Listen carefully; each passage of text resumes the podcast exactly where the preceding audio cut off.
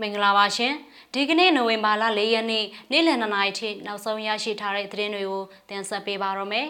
ကျွန်မဝန်ဆွေမန်းပါမန္တလေးကြောက်ဝိုင်းပောက်ကွဲမှုမှာရဲတအူးတည်ဆုံပြီးတအူးဒဏ်ရာရတဲ့သတင်းမြောင်မြို့နယ်မှာပြည်သူ့ကာကွယ်တပ်ဖွဲ့တွေကစစ်ကောင်စီရင်တန်းကို မိုက်ခွဲတိုက်ခိုက်ခဲ့ပြီးတည်ဆုံသူအများအပြားရှိတယ်ဆိုတဲ့သတင်းနေပညာတက္ကသိုလ်ကျောင်းသားကိုစစ်တပ်ကနေအိမ်မှာဝင်ဖမ်းတဲ့သတင်းနဲ့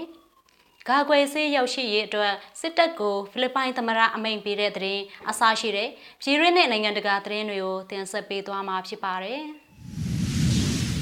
ပထမဆုံးသတင်းတပုတ်အနေနဲ့မန္တလေးကျောက်ဝိုင်းပောက်ပွဲမှုမှာရဲတအူတည်ဆုံပြီးတအူဒဏ်ရာရတဲ့သတင်းကိုတင်ဆက်ပေးချင်ပါတယ်။မန္တလေးမြို့မဟာအောင်မြေမှာရှိတဲ့ကျောင်းမြတ်ရောင်းဝယ်ရေးစခန်းမှာဘုံပေါက်ကွဲခဲ့ပြီးရဲတက်ချက်တအူတည်ဆုံးကဒုရဲအုပ်တအူဒဏ်ရာရရှိခဲ့တယ်လို့သိရပါတယ်။ ဒီကနေ့မနက်6နာရီဝန်းကျင်ကပောက်ကွဲခဲ့တာဖြစ်ပြီးလုံခြုံရေးယူထားတဲ့စစ်ကောင်စီတပ်ဖွဲ့ဝင်တွေထိခိတ်ဒဏ်ရာရခဲ့တယ်လို့လည်းသိရပါတယ်။မနေ့အစောကြီးကပောက်ကွဲတန်ကြားရတယ်။ဘေးနာပတ်ဝန်းကျင်မှာလူရှင်းနေတော့ပြည်သူတွေကိုမထိဘူး။စစ်ကောင်စီဘက်ကနှစ်ယောက်ပဲထိသွားတာလို့အနည်းပတ်ဝန်းကျင်မှာနေထိုင်သူတအိုးကပြောပါတယ်။ ပောက်ကွဲမှုအတွင်ထိခိုက်ခဲ့တဲ့ရဲတွေဟာအမှတ်ခွန်စခန်းမှရဲတွေဖြစ်ကြောင်းလဲဒေသခံတွေကပြောပါရယ်ဖောက်ခွဲမှုကိုမြမဇာမနီအဖွဲ့မြို့ပြဆက်ဆံရေးကော်မတီ BNO ကလက်ပစ်ဘုံတစ်လုံးပြစ်သွင်းဖောက်ခွဲခဲ့ခြင်းဖြစ်တယ်လို့လည်းသိရပါဗျ။ပြေးခဲ့တဲ့အောက်တိုဘာ19ရက်နေ့ကလည်းမန္တလေးကျောက်ဝိုင်းအနောက်ဘက်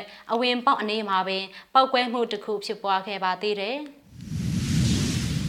မြောင်မြို့နယ်မှာပြည်သူ့ကာကွယ်တပ်ဖွဲ့တွေကစစ်ကောင်စီရင်တန်းကိုမိုင်းဆွဲတိုက်ခိုက်ခဲ့ပြီးတေဆုံးသူအများအပြားရှိတယ်ဆိုတဲ့သတင်းကိုလည်းတင်ဆက်ပေးပါမယ်။စကိုင်းတိုင်းဒေသကြီးမြောင်မြို့နယ်ဘုံမြတ်တာရွာတောင်ဘက်ပေါချောင်းတရားအလိုမှာနိုဝင်ဘာ2ရက်နေ့နေ့လယ်ပိုင်းကစစ်ကောင်စီရင်တန်းကိုပြည်သူ့ကာကွယ်တပ်တွေကပိုးပေါင်းတိုက်ခိုက်ခဲ့ရာ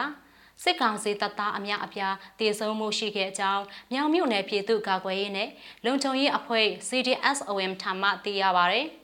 သူတို့ကားတန်းကိုထိထိမိမိတစည်းတော့ထိသွားတယ်။မိုက်ဆယ်လုံးခွဲလိုက်တာဆယ်လုံးစလုံးကွဲတယ်။ကားထဲကလူတွေကလွန်ထွက်သွားတာတွေးလိုက်တယ်။သူတို့အင်အားကအယောက်30လောက်တော့ရှိမယ်ဗျ။15ယောက်လောက်တော့တည်လောက်တယ်လို့ CDSOM ရဲ့တာဝန်ရှိသူတဦးကပြောပါရယ်။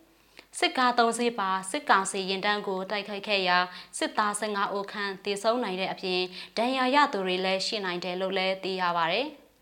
မိုက်ခွဲတိုက်ခိုက်ခံရတဲ့နေရာကိုတက်ကိုအဖြစ်ရောက်ရှိလာတဲ့စစ်ကောင်စီတပ်တွေကလက်နက်ကြီးတွေနဲ့စစ်တိုက်ပစ်ခတ်မှုတွေပြုလုပ်ခဲ့ပေမဲ့လည်းဒေသခံပြည်သူကာကွယ်ရေးတပ်တွေဟာအန္တရာယ်ကင်းစွာဆုတ်ခွာနိုင်ခဲ့တယ်လို့လည်းသိရပါဗျ။ အဲ့ဖြစ်စဉ်ဟာအောက်တိုဘာ30ရက်နေ့ကမြောင်မြို့နယ်ပေါက်ချောင်းတိုက်ပွဲမှာကြဆုံးသွားတဲ့စနိုက်ပါသမားရဲဘော်အင်းစစ်အတွက်တုံ့ပြန်တိုက်ခိုက်တာဖြစ်တယ်လို့လည်းသိရပါဗျ။နေပညာတက္ကသိုလ်ကျောင်းသားကိုစစ်တပ်ကနေအိမ်မှာဝင်ဖမ်းတဲ့တဲ့နဲ့ဆက်ချင်ပါတယ်။ မန္တလေးတိုင်းမိထ္ထလာမြို့ကနေပညာတက္ကသိုလ်ကျောင်းသားကိုစရာလင်းကိုနိုဝင်ဘာ3ရက်နေ့မှာအချမ်းဖက်စစ်ကောင်စီတပ်သားတွေကနေအိမ်မှာလာရောက်ဖမ်းဆီးခေါ်ဆောင်သွားတယ်လို့သိရပါတယ်။ဖမ်းဆီးခံရသူဟာနေပညာတက္ကသိုလ်ရတနာပုံစိုက်ဘာစီတီတတိယနှစ် ECA မေဂျာမှာတယောက်တင်ကြားနေသူဖြစ်ပါတယ်။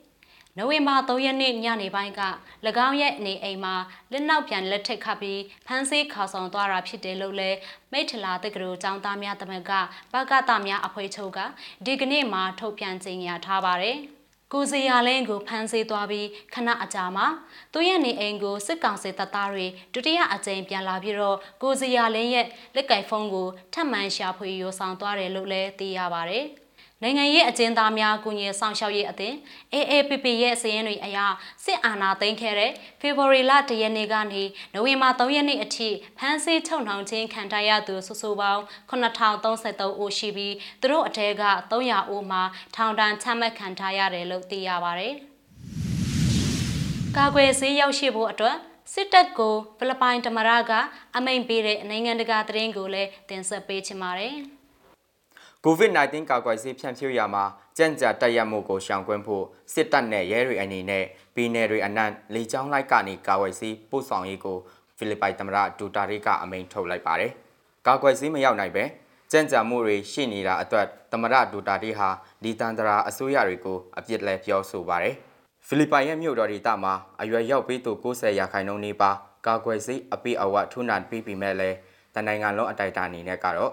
အရွယ်ရောက်ပြီးသူရဲ့35ရာခိုင်နှုန်းပဲကာကွယ်ဆေးနှစ်ကြိမ်ထိုးနှံနေရသေးတာဖြစ်ပါတယ်။အသက်12နှစ်ကနေ18နှစ်ကြာကလေးငယ်စနစ်ဒသမ9တန်းကိုလည်းနိုဝင်ဘာလ3ရက်ကစလို့ကာကွယ်ဆေးစတင်ထိုးနှံပေးတာကြောင့်ကလေးငယ်တွေပါကာကွယ်ဆေးထိုးနှံနေပြီဖြစ်ပါတယ်။ရင်းနယ်အစိုးရတွေဟာနောက်ထပ်ကြံ့ကြာရှိတာဖြစ်လို့သူတို့စီကနေကာကွယ်ဆေးတွေကိုဖြန့်ဖြူးဖို့မရှိတော့ဘူးလို့ အင်္ဂါနေ့ကကပ်ဘေးဆိုင်ရာအကြံပေးတွေနဲ့အစည်းအဝေးတရက်မှာဒူတာရီကပြောကြောင်းရုပ်တံကနေဗုဒ္ဓဟူးနေ့မှာထုတ်လွှင့်ပြသခဲ့တာပါ။သမရဒူတာတီဟာကပ်ဘေးကိုရင်ဆိုင်တိုက်ဖြတ်ရေးမှာလက်နက်ကိုက်တပ်တွေကိုအတော်လေးမိခိုအားထားတာပဲဖြစ်ပါတယ်။လက်နက်ကိုက်တပ်တွေအားကိုးနဲ့ကဘာမှာအပြင်းထန်ဆုံး lockdown ကိုချခဲ့တယ်လို့နိုင်ငံနဲ့ပြည်ပစီစေဝါထောက်ပံ့မှုတွေကိုလည်းပေးပို့ခဲ့တာဖြစ်ပါတယ်။ လေရင်တွေနဲ့ပို့လာတဲ့ကာကွယ်ဆေးတွေကိုရဟတ်ရင်တွေနဲ့တင်ဆောင်ပြီးမြို့နယ်အထိအရောက်ပို့မှာဖြစ်ပါတယ်လို့ဒူတာတီကဆိုပါတယ်။လက်နက်ကိုက်တပ်တွေအနေနဲ့သမရအနွန်ကြားထားတာစွမ်းဆောင်နိုင်မှာပါလို့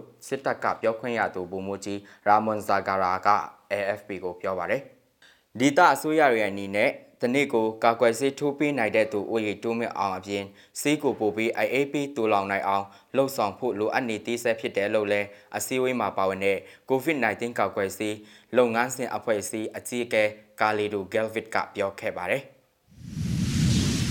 မြစည်းမရဲ့နိုဝင်ဘာလ၄ရက်နေ့နေ့လယ်နှစ်နာရီထိနောက်ဆုံးရရှိထားတဲ့သတင်းတွေကိုတင်ဆက်ပေးခဲ့တာပါမြန်မာပြည်သူပြည်သားအလုံးစိတ်အေးချမ်းသာခြင်းကိုအေးချမ်းပါခြင်းနဲ့ပြည့်စုံကြပါစေရှင်။